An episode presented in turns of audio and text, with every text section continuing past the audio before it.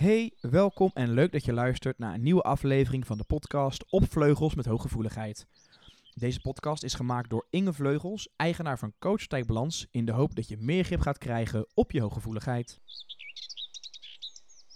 Welkom bij deze podcast waar ik je mee ga nemen in de wereld van hoge verwachtingen en teleurstellingen. Als HSP'er moet je je voorstellen dat je heel vaak de lat voor jezelf hoog legt. We zijn perfectionistisch ingesteld. We hebben eh, een hogere verwachting naar onszelf, waar we aan moeten voldoen.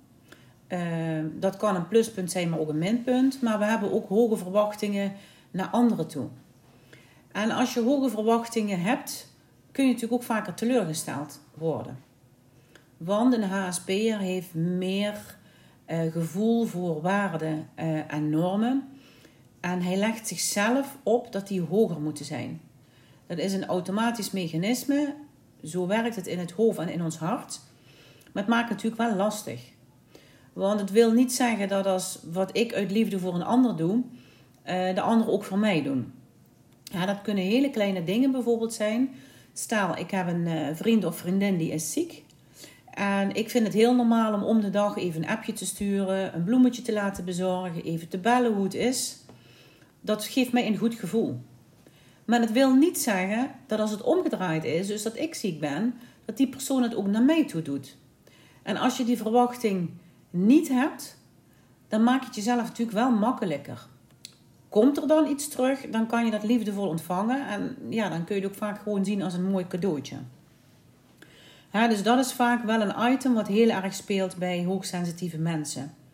Wat gewoon heel erg goed is, is dat je probeert om dicht bij jezelf te blijven. Dus vertrouw op jezelf, vertrouw op je humor.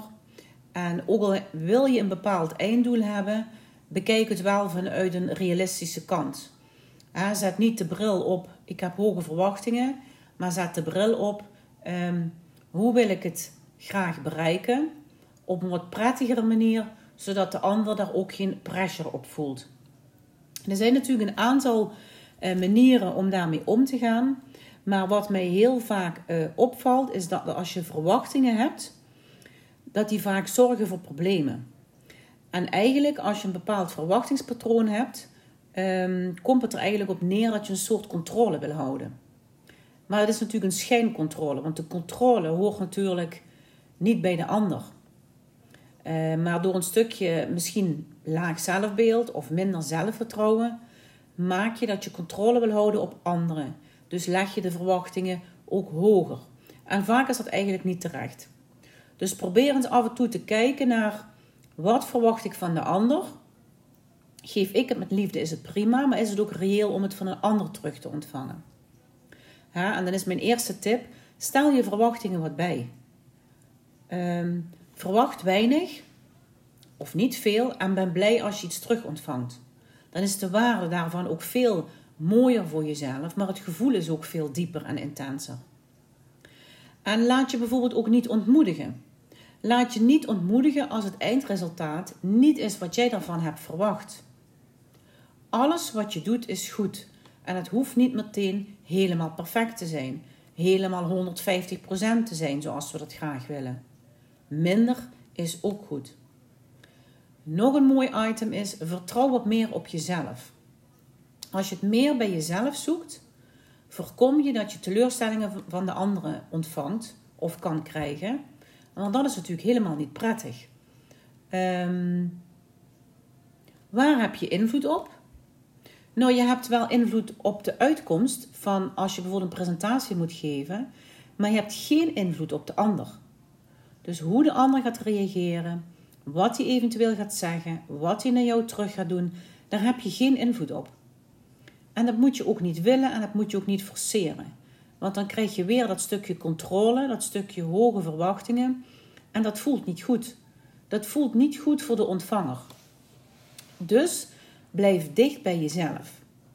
Ik zie het bijvoorbeeld ook heel vaak in vriendschappen gebeuren. Dat ehm, ja, ja, je bepaalde verwachtingspatronen hebt. En dat je het fijn vindt als mensen tijd voor je hebben en aandacht voor je hebben. En jij dat heel normaal en heel natuurlijk kan doen. Maar dat wil niet zeggen dat de ander dat ook dus kan doen voor jou. Die heeft misschien een veel drukker bestaan. Die heeft misschien nog thuiswonende kinderen of ja, spanningen in het huwelijk of heel veel hobby's. Maak het bespreekbaar als het je lukt. Spreek je verwachtingen uit, dan kan de ander erop reageren. Want als je gaat reageren vanuit de ander zal wel denken dat, gaat het altijd fout. Wat een grote communicatiefout is eigenlijk denken voor de ander. De ander zal wel denken dat, ja, dan kun je natuurlijk honderdduizend dingen invullen. En dat is vaak niet zo handig. Je kunt beter uitspreken van, goh, ik vind het jammer dat we in de weekenden niet afspreken. Hoe is dat voor jou? En zouden we daar iets samen voor kunnen bedenken? Dat is natuurlijk anders dan dat je gaat invullen voor de ander. Nou, zo kan je natuurlijk nog talloze dingen uh, bedenken. Um, maar je kunt wel naar iemand kijken, maar je kunt nooit in iemands hoofd kijken. En dat gaat natuurlijk ook met verwachtingen. Bij hooggevoeligen ligt dat wat anders, omdat we gewoon heel veel voelen. En voelen is voor ons ook vaak weten. Maar pas op dat dit ook niet je valkuil wordt. Ga er zorgvuldig mee om. En kijk eens naar jezelf, wat je eventueel zelf kan aanpassen. En vaak merk je dat een hele kleine verandering of een kleine switch in gedachten je eigenlijk al heel veel positiviteit opbrengt. En dat is natuurlijk uh, heel erg prettig voor jezelf. Doe er je voordeel mee en graag tot de volgende keer.